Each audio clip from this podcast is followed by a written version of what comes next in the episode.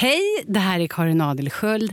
Programmet som kommer nu det kommer bli trist, tråkigt och alldeles underbart. Fy fan för februari. Fy fan för februari. Fy fan för februari. Ja, fy fan för februari. Fy fan för februari. Fy fan för februari. Fy fan för februari. fy fan för februari. Med Mikael Dahlén och Petra Månström.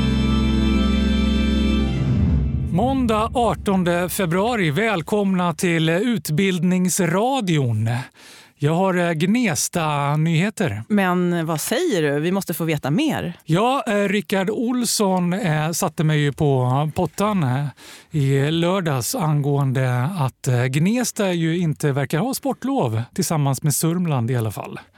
Eh, nu har jag fått besked. Jag älskar våra lyssnare. Tack snälla Caroline Andersson, före detta lärare i Gnesta som hört av sig och meddelat att Gnesta har sportlov. Men bara varannat år med Sörmland och varannat år med Stockholm. Jaha. Jag Varför fattar. då, undrade jag. Och då menade hon att Gnesta ligger på skarven mellan Stockholm och Sörmland. Så i någon sorts eh, rättvis eller gemenskapsavseende så firar man varannan vecka eller varannat år med eh, släkt, familj, vänner, vad vet jag, som bor på Stockholmssidan och varannat år med de som bor på Sörmlandssidan. Men vet du vad Mikael, då känner jag lite släktskap med Gnesta faktiskt. Minns du vad astrologen sa? Jag ligger på gränsen till vågens stjärntecken. Jag är ju skorpion. Just det. Så jag har ju lite drag av vågen ibland när jag vill och ibland av skorpionen. Du kör varannat år? Så att jag och Gnesta har ju mer gemensamt än man tror. Ja, utanför fönstret breder ut sig en stor våt grå filt. I februari, det är måndag.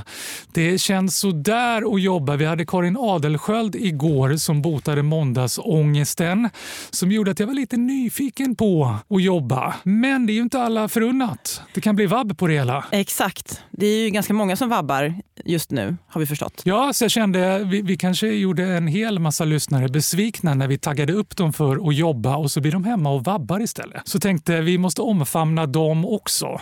Och vem kan vi ta till bättre hjälp att omfamna hela Sveriges eh, föräldraförening, eller på att säga, än proffspappan Pappapoddaren, pappapanelisten, pappaföreläsaren, influensen, superstjärnan Manne Forsberg. Hurra! Hjärtligt välkommen! Vilken introduktion, tack. Och också proffsvabbaren ska man säga. Jag minns när min äldsta dotter skulle börja på förskolan och gå sin första vecka. Jag skulle skola in henne. Och så berättade jag det för min svåger som var erfaren och hade många barn. Så han, men eh, vem ska vabba nästa vecka då? Jag sa, "Vadå? Vad fan menar du? Det är ingen som ska vabba. Vi ska, hon ska börja i förskolan. Alltså, men han förstod att hon kommer bli sjuk första veckan. så sen fattade jag det. Och sen så bara rullade det på med vabben efter det. Och vab då, jag tänkte att man, vi kan introducera de som lyssnar då att vab infördes alltså i samband med föräldraförsäkringens införande 1974. Det är alltså två år innan jag föddes. Minsann. Mm. Så när du föddes Mikael, då kunde man inte vabba. Nej, och jag vet att jag aldrig har blivit vabbad. Eh, Jag är nyfiken, jag introducerar dig som proffspappa. Är det, är det rätt? Jag är så imponerad av. Själv är jag amatörpappa. Ja. Det är bara ett litet eh, fritidsintresse jag har. Så. Men, men du är ju proffs på vara Alltså, pappa. Det har jag väldigt svårt att tro för att när jag har gjort pappapodd och sådär så har det handlat om eh, liksom, sprickorna i mitt föräldraskap. Alltså om hur dålig jag är som pappa. Så att då skulle det bli kontraproduktivt om jag, om jag var en duktig pappa. Alltså då skulle jag inte ha så mycket material ju. Fast jag tror att det är just det vi, men, vi menar, att du är duktig eftersom du är sårbar och, och transparent och vågar berätta hur det är egentligen. Ja, det är ja, men, sällan eh, det är rosenskimrande, speciellt när man har små barn. Nej, just det, du, men- Manne, du har en grej från din blogg bara som jag vill läsa Ja. upp. Som jag tyckte, det är ganska nyligen du skrev detta. Jag tycker det var väldigt, väldigt bra skrivet. Kvinnors ställning på arbetsmarknaden försvagas om de får barn, men de får mycket mysig barntid. Mäns ställning på jobbet stärks om de får barn, men det förutsätter att de inte är så mycket med barnen. Vi är alla förlorare. Om män och kvinnor kunde vabba lika mycket och vara föräldralediga lika länge skulle problemet lösa sig som en brustablett i ljummet vatten. Ja, så är det ju. Att eh, Arbetsgivare hyser en misstanke om att kvinnor är osäker arbetskraft med viss rätt eftersom kvinnor eh, är föräldralediga och vabbar mycket mer än män och vice versa. Så att, alla de förutfattade meningarna eh, skulle ju försvinna om män och kvinnor delade. Och dessutom skulle ingen komma till korta vad gäller barnsamvaron. Så det skulle ju såklart vara en, en bra och behändig lösning på problemet. Och med vab är det så att varje gång man vaknar upp på morgonen och bara helvete, den här pannan är varm eller de här ögonen är liksom feberglansiga. Det man gör då, om man inte har planerat innan, det är att man bedömer vems arbete är viktigast. Vem, vem är viktigast att den kommer iväg till jobbet? Och jag tror det är typ 68 procent av fallen, eller vad det är. Jag minns inte exakt. 62. 62? Mm. Ja, Okej, okay. det var inte så mycket som jag trodde. Men i 62 procent av fallen ändå så kommer man fram till att mannens arbete är viktigast och det är kvinnan som stannar hemma. Och det leder ju till en sjuk arbetsmarknad. Ju. Alltså viktigast för att mannen tjänar mest pengar då? Eller? Ja, eller det behöver nog inte vara... Så är det väl ofta för eftersom män ofta tjänar mer pengar. Eh, men jag tror att eh, många män är bättre för att tala, om, tala för sitt arbetes viktighet. Mitt möte är så här viktigt! Och eh, kvinnor säger mitt möte är så här viktigt. Ofta så är det så. Eh, och det avspeglas i den här vab-statistiken. Men är det det som är den fulla förklaringen? För jag undrar att ända sedan jag kollade upp och såg att 62 procent av vabben görs av kvinnor så tänkte jag att jobb är en del. Men så jag tänker att det finnas andra delar. Jag tänker att det alltjämt är vanligare med ensamstående mammor som jag hade än en ensamstående pappa. Så i mitt fall så fanns det bara en förälder som kunde vabba, som var en mamma. Spontant så tror jag inte att det påverkar statistiken svinmycket för att det är ändå så pass få tror jag. Okay. Jag tror att det vanliga är ändå så att man... Eh, det allra vanligaste är att det är en man och en kvinna som ställs inför eh, den här frågan. Vems arbetsdag är viktigast? Och Sen så skulle man kunna hitta andra saker. Så här. Det, det kan ju också handla om intresse för barnen. Vem, mm. vem är mest peppad eller opeppad på en dag hemma med barnen? Ja. Eh, det skulle också kunna vara utslagsgivande. Och då tänker du att pappor har inte så mycket barnpepp? Alltså nu bara ta upp olika faktorer, men jag tror på en gruppnivå så skulle det kunna vara så. Om man jämför gruppen män med gruppen kvinnor så kanske kvinnors barnpepp är större. Låt höra. Lite pappapepp här. Vad missar en pappa som inte vabbar? Alltså, Vad är det bästa med att vabba? Vabba kan vara fruktansvärt. Alltså. Eh, vi börjar med det opeppande då, och sen så tar vi det peppande. Så att vi ger en realistisk ja. bild av det här tror jag. Antingen så har man kanske en anställning och då får man panik tror jag. Jag är inte så van vid anställningar men jag känner folk som har anställningar och de får panik för att de eh, har kanske någon chef som är så här, men skämtar du med mig? Så där mycket kan inte ett barn vara sjukt. Det är inte realistiskt. Eh, och sen så får de dåligt samvete och sen så har de ångest och sådär. Och sen så känner de kanske att de måste ta på sig lite arbetsuppgifter fast de är hemma med barn. Och sen så blir det väldigt stressigt för att de ska underhålla det här barnet samtidigt som de ska hålla chefen inte jättearg utan lite glad. Så Man svarar på mejl och sådär. Och, sådär. Ja. Ja. Eh, och då blir det väldigt stressigt och förmodligen så kommer varken barnet eller chefen bli så supernöjd. Eller så är man som jag frilansare och då tänker man att om man inte liksom i alla fall svarar på mejl och sköter vissa löpande saker så kommer man straffa ut sig från arbetsmarknaden fullständigt. Eh, och då blir det också det här eh, stressiga och man känner att barnet är inte är jättenöjt och eh, eh uppdragsgivare är inte heller supernöjda.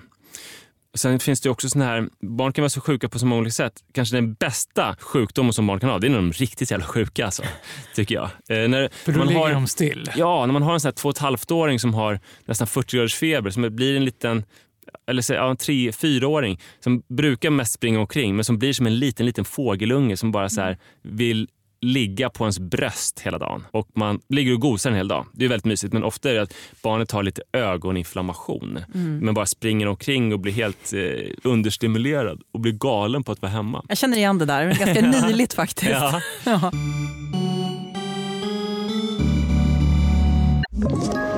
Ett poddtips från Podplay. I fallen jag aldrig glömmer djupdyker Hasse Aro i arbetet bakom några av Sveriges mest uppseendeväckande brottsutredningar går vi in med hemlig telefonavlyssning och, och då upplever vi att vi får en total förändring av hans beteende. Vad är det som händer nu? Vem är det som läcker? Och så säger han att jag är kriminell, jag har varit kriminell i hela mitt liv men att mörda ett barn, där går min gräns. Nya säsongen av Fallen jag aldrig glömmer på Podplay. Om man har på en köksfläkt och man vänjer sig vid det här obehaget så man glömmer bort att man har köksfläkten på. Sen stänger man av köksfläkten och då upplever man en sån enorm njutning som är det upphöjda lugnet. Eh, och Det är ju mycket med föräldraskapet, att man nöts ner. Man har en fruktansvärd ljudkuliss. Och sen när barnet tystnar en stund eller lägger sig stilla på ens bröst eller somnar, då upplever man det upphöjda lugnet. Så, så, så är det ju mycket att... nu man- börjar jag fatta hur du tänker här. Befriande du sa proffspappa. Nej, det är snarare att jag vill ta ner prestationsångesten det. för jag är ingen bra pappa. Nu gjorde du samma sak för alla äventyrare. Jag trodde du skulle nämna den här plågan att ja, när jag besteg Kebnekaise det. i strumpbyxor. Ja. precis, men du kör, nej, men när jag hade på köksfläkten. ja, det, men det, kan man pröva. Eller som. Ja. att köra bil i tunnel var för mig jävligt njutningsfullt när min äldsta dotter var i så här tvåårsåldern. För att jag fick panik varje gång jag skulle in i en tunnel för jag visste att hon skulle börja skrika i panik för hon tyckte det var så läskigt med tunnlar. Så att när jag åkte bil ensam då kände jag hur jag spände mig när jag skulle in i en tunnel. Och Sen kom jag in i tunneln och hörde inget skrik och bara, just det. Det är ingen som skriker i bilen som har panik, kan bara slappna av. Och då njöt ju enormt av den här tunnelkörningen. Ja, Ja. så du kunde liksom på sätt och vis njuta när du körde med din skräckslagna dotter i tunneln med liksom förväntan att nästa gång Just precis. Det är jobbigt nu men det här innebär att det kommer vara väldigt skönt att köra i tunnel på egen hand nästa gång. Eh, Det är en väldigt fin eh, liknelse. ja, eh, så, så kan man ju se det alltid då, ja. om man alltid kommer ha den här jobbiga chefen. och så här. Men det man också kan göra som jag gjorde, det var att jag, att jag började tänka istället så här att eh, fan vad jag ska vara duktig på arbetsmarknaden om eh, 15 år.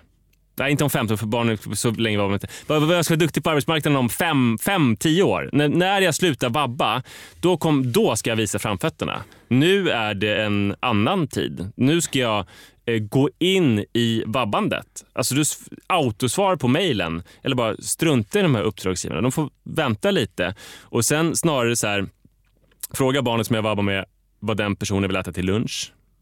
Och min äldsta dotter hon ville alltid äta kallskuret. Det tyckte jag var härligt. Så vi åt Oj. ostar och prosciutto. och så här. Finsmakare. Verkligen. Och sen kolla på Frost eller andra så här filmer som är härliga att se på tillsammans. Och sen och äta mycket glass. Eh, så att eh, tillbringa dagen i soffan, äta goda och onyttiga saker och titta på filmer som båda har någon slags utbyte av. Eh, Jag har eh, pratat med mina finska vänner om vab Ja, och och de fattar ingenting. nej. Eh, De har inte det ordet på finska. Det var därför det inte blev någon glosa att inleda med här. Och jag har kollat upp statistiken som visar att i Finland har de på sin höjd hälften så många vabbdagar och slutar dessutom flera år tidigare än vi i Sverige. Kan det vara ett tecken på att vi i Sverige är för kinkiga, vilket de menar? Eller är vi helt enkelt mera sjuka? Nej, men eh, jag eh, tror att vi är för kinkiga vad gäller vissa saker. Eh, alltså till exempel Alltså en, en lindrig förkylning, oavsett om den sitter i näsa eller om den sitter i öga, det är ju ingenting som man ska behöva vara hemma för. Alltså om man, har, om man är feberfri och har ett bra allmäntillstånd och liksom och Det är inte så farligt heller om man sprider den här förkylningen tycker jag. För att förkylning är väl någonting som folk ska gå igenom. Alltså man, man kan inte så här isolera människor för att de är förkylda. Nej, vad står det i den debatten? Ja? Det här med att ja, men bjud hem kompisarna, smitta dem, vi ska alla gå igenom det. Vilket vissa menar, så gör man och andra med. Så gör man absolut inte. Nej, men jag är ganska eh, liberal vad gäller smittor. Jag tycker att eh, Smittoliberal. det Ja, är ja. Nej, men för att, så här, som jag har förstått det, nu kan ju någon läkare rätta mig om jag har fel, men som jag har förstått det så ska man bygga upp sitt immunförsvar. Först har man antikroppar från mamman och då är man inte infektionskänslig alls. Sen efter ungefär ett halvår då ska man bygga upp sitt eget immunförsvar och bygga upp sitt eget immunförsvar det gör man ju genom att ha olika sjukdomar. För mig upplever jag att mitt immunförsvar var färdigt några år efter att jag hade blivit förälder. Det var liksom de här barnsjukdomarna som jag fick av mina barn från deras förskolor. Det var de sista pusselbitarna som mitt immunförsvar behövde för att bli riktigt, riktigt bra. Jag tror det som behövs, dels är ju februari är viktigt att göra till någonting positivt. Tack. Eh, svinbra. Och sen också en informationskampanj. Vad innebär det egentligen att med barn och sjukdomar? Så att alla de här cheferna och uppdragsgivarna får veta vad det är. så är det ju att man ska gå igenom fram till fyra års ålder fyra till åtta infektioner per år som håller i sig en till två veckor styck. Eh, om vi tänker då att det är riktigt illa, då kan det ju vara då 16 veckor för ett barn. Och ofta har man ju kanske två barn, det hade jag i alla fall, som var under fyra år. De flesta föräldrar känner nog så här, men det här är ju helt stört. Hur kan mitt barn vara sjukt så mycket? Hur kan jag vara så otursdrabbad? Fast egentligen är det bara så här, ja, det, det är så. Det är en fram till- investering i livsduglighet. Ja, precis. Det här ska man gå igenom. Och det, det, om alla bara får veta det så är det så här, ja men tyvärr. Det är extremt mycket att man ska vara hemma med sjuka barn och i februari så är det extra mycket. Hurra, våfflor och prosciutto och Är det även filmer. en investering i livsduglighet som pappa läser jag in då? Att du kom ikapp det du inte hade ett försvar för ännu. Det var en sån tråd jag också tänkte på Mm. med att pappor mer sällan är, givet att de är pappor då, eh, mer sällan vabbar. Nämligen eh, inte bara den här riskanalysen i förlorad eh, inkomst på jobbet utan också att de blir sjukare när de blir smittade. Det finns ju faktiskt finns ju vetenskapliga bevis på att män är det svagare könet som blir sjukare när de blir förkylda. Jaså? Ja. Ja. Så Jag har också läst det faktiskt. Ja, men då, då kanske man behöver lite Man extra infektioner. Det Mm. ka- Kanske därför jag är så himla eh, stark nu, mitt immunförsvar. För att jag var hemma med barnen jättemycket när de var det, sjuka. utan, utan vabben hade du inte kunnat bränna på köksfläkten som om det inte fanns Nej, morgondag. exakt. liksom. Så att det, var, det var otroligt bra investering i min framtida hälsa. Mm, jag gillar den. Mm. Eh, En, en snabb fundering. Hur länge är det okej att vabba? Det låter så härligt när du Mm. beskriver att ha barnet liggande på sitt bröst. Och det är så sällan Fågelunge. Mina är 14 och 16. Mm. Det blir lite annat. Jag tänker så här att min, min äldsta syster vet jag, hon, mamma hon jobbar som lärare. När min syster var fyra år, då åkte mamma in till jobbet och var lärare och så åkte hem på lunchen, såg efter sin fyraåriga dot- dotter och sen så fortsatte hon jobba. Eh, Så det går ju. Mina nu är sex och åtta. Jag tror de skulle typ kunna vara hemma om jag liksom såg till dem några gånger. Men så man får nog se det. Sen är det så här, det går inte att säga något generellt för att en del barn som är 13 har ju ett jättebehov av eh, omsorg. Liksom. Eh, Men mellan tummen och pekfingret. då säger jag åtta år. Efter åtta år är det Ja, kört. det låter rimligt. Då. Ja, det tror jag. Eh, och Om sen, man inte bor i Finland. Nej, precis, för där behöver man inte. Men sen så tänker jag att man kanske... tycker om. Om vi nu har, Verkligen för honom. om vi nu har februari Mm. så är det så här, okej, åtta år är det generella, då kan man sluta vabba. Mm. Men man kan fortfarande utnyttja februari-aspekten aspekten av det. Att nu vill jag ha en mysig heldagsdate med min underbara 11-åring. Då återfaller man i vab. Ja, hur länge kan att- man skylla på vab då? Kan jag åtminstone skylla 12. på det och sen gå och äta en febbla? Jag skulle säga att till 12 år kan du skylla på vab. Okej, ja, men det är bra. Mm. Raka besked. Från Halkan till Balkan då, så har jag lite information här. Enligt fackförbundet Unionen så väljer sju av tio tjänstemän att jobba hemifrån och samtidigt vårda sitt sjuka barn. Det här är ett fenomen som kallas för vobba. Är det något som ni känner igen? Eh, ja, precis. I, I begynnelsen, innan jag insåg att fuck it, det är ingen som saknar mig i alla fall. Så jag kan lika gärna vara med mitt barn. Du är inte oumbärlig. Är det Nej, det exakt. som kallas för vabbfusk? För jag har kollat upp att eh, förra året så vabbfuskades det för motsvarande 50 miljoner. Då undrar jag, hur gör man när man vabbfuskar? Är det ungefär som jag är ju- tänkte, att gå och äta en febbla? Eller är det att man sitter och jobbar? Men det är att man får pengar vara- både från arbetsgivaren och från Försäkringskassan. Okej, så samtidigt. är egentligen olagligt då? Nej, Nej, det är inte för samma sak. vobba är ju att du, att du är hemma med barnet, du får pengar från din arbetsgivare men du får inte pengar från Försäkringskassan. Så det är inte olagligt. Det olagliga blir om du får pengar från Försäkringskassan och samtidigt som du inte är sjukskriven från jobbet. Okej, så det är bara potentiellt oetiskt då? För att du inte är så pappig eller mammig eller förälder? Just det. Men här ser, för alltså Försäkringskassan har ju då tagit krafttag mot personer som då får ersättning från Försäkringskassan men samtidigt svarar på mejl och telefonsamtal från sin arbetsgivare. För då menar ju Försäkringskassan att då ska man, då ska man få ersättning från arbetsgivaren. Mm. Så det, vi, vi pratar vi om samma saker? Det känns som att det, det finns olika nyanser av grått här Ja, verkligen i så fall. när det gäller just vabbfusk. Ja, jag visste inte att de hade någonting i, emot det. Nej, de är väldigt bestämda här. Eh, sedan ett antal år kontrollerar myndigheten fortlöpande att regelverket följs. Får du ett jobbrelaterat samtal när du vabbar, hänvisa till föräldraledighetslagen och stäng av telefonen. Du har rätt att ha fokus på barnet och ingen skyldighet att arbeta, säger en representant från Försäkringskassan. Säg det till dina följare. Ja, jag, jag säger det till er nu, för jag vet att ni är några som lyssnar här. Stäng av telefonen. Tack så jättemycket Manne Forsberg. för Ha en härlig februari, vill jag februari säga. till februari, till Mm. februari igen. Ja, jag har ingenting mer att tillägga. Jag är mållös av all kunskap som har, som har slagits emot mig idag. Själv ska jag skynda hem nu och eh, förbereda för min frus födelsedag imorgon. Mm, då kan vi prata om det imorgon. Men det tycker jag. Låter som en plan. Ja. Fy fan för februari görs av produktionsbolaget Munk.